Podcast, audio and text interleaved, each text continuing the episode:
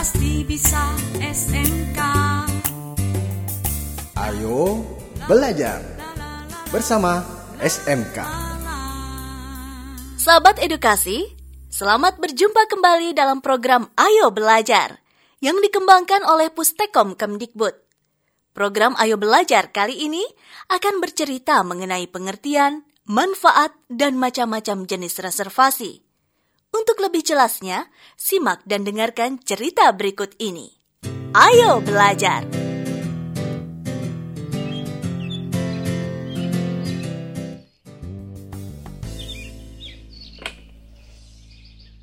Kenapa kamu? Telepon kok dibanting-banting gitu? Habis diputusin siapa nih? Ih, sembarangan. Maaf ya, aku masih konsen sekolah. Nggak ada gitu-gituan. Gitu aja sensitif banget. Bercanda lah. Ayo dong cerita, kenapa? Monica, inget kan? Minggu depan kita kan jalan-jalan ke Bali. Nah, kamu tahu kan? Kamar hotel yang di sudut itu, view-nya kan bagus. Langsung menghadap ke arah pantai. Jadi aku sudah reservasi. Tadi aku telepon minta tambahan ekstra lemari. Nah, kamu tahu apa jawaban mereka? Sudah tersewa orang lain. Huh, kok kamu tahu?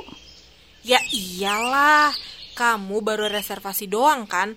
Belum di booking, makanya dijual sama orang marketing. Ah, ini pasti ada sesuatu nih. Pasti marketingnya dapat fee lebih dari penyewa. Nggak bisa didiamkan nih. Aku mau lapor sama atasannya. Gak sopan. Jelas-jelas aku sudah reservasi duluan. Davina yang cantik dan baik hati, kamu yang salah. Walau kamu reservasi ratusan kali, tetap saja tidak bisa jaminan dapat tempat yang kamu mau. Duh, kamu nih ya malah ceramah. Udah jelas aku lagi kesel. Malah tambah buat pusing aja. Huh.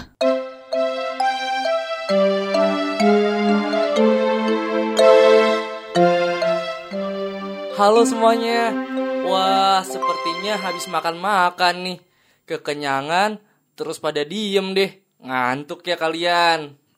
Iya nih, habis perang dingin, jadi diem aja kita. Biasa, Bud. Ratu ngeyel. Mana ada mau ngalah. Selalu benar.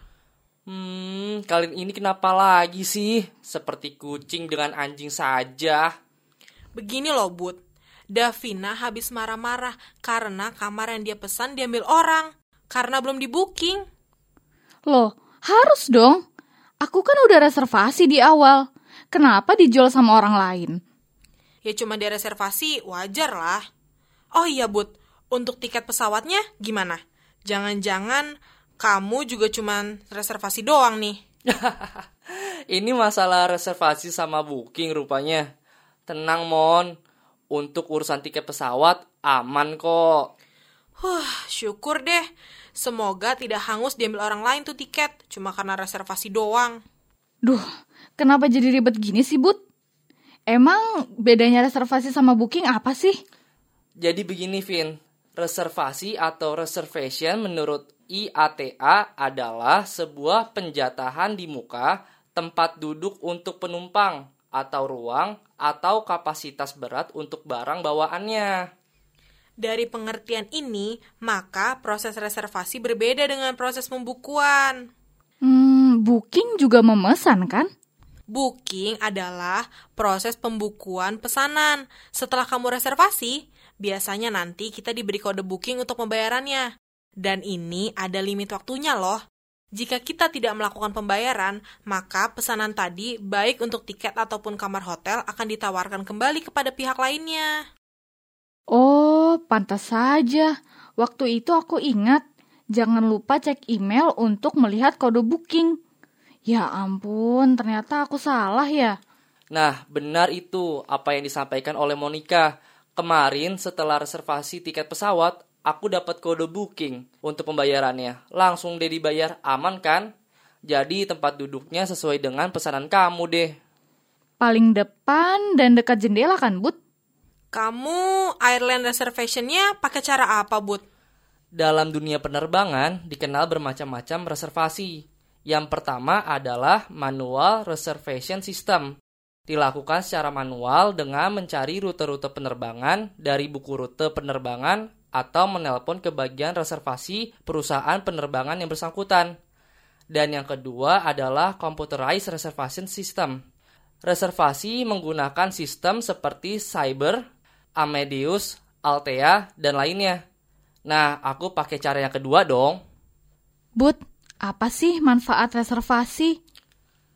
Manfaat adanya proses reservasi ini bagi penumpang antara lain. Yang pertama, dapat mempermudah dalam mengatur dan mempersiapkan rencana perjalanan.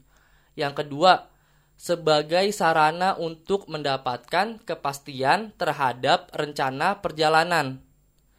Dan yang terakhir, tentu lebih efisien. Hmm, lalu bagi maskapai penerbangan apa manfaatnya? Nah, manfaat reservasi bagi maskapai penerbangan yang pertama, sebagai sarana dalam menjual load factor secara maksimal. Yang kedua, sebagai sarana untuk meningkatkan produksi. Yang ketiga, memudahkan dan melancarkan proses penjualan.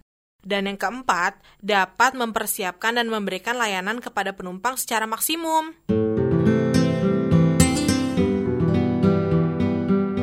Sahabat edukasi, nah sekarang kita paham. Airline reservation adalah sebuah sistem penyediaan tempat oleh maskapai penerbangan untuk calon penumpang dan barang bawaannya, beserta permintaan-permintaan kalau ada akan fasilitas-fasilitas tertentu, baik secara langsung maupun tidak langsung. Belajar bisa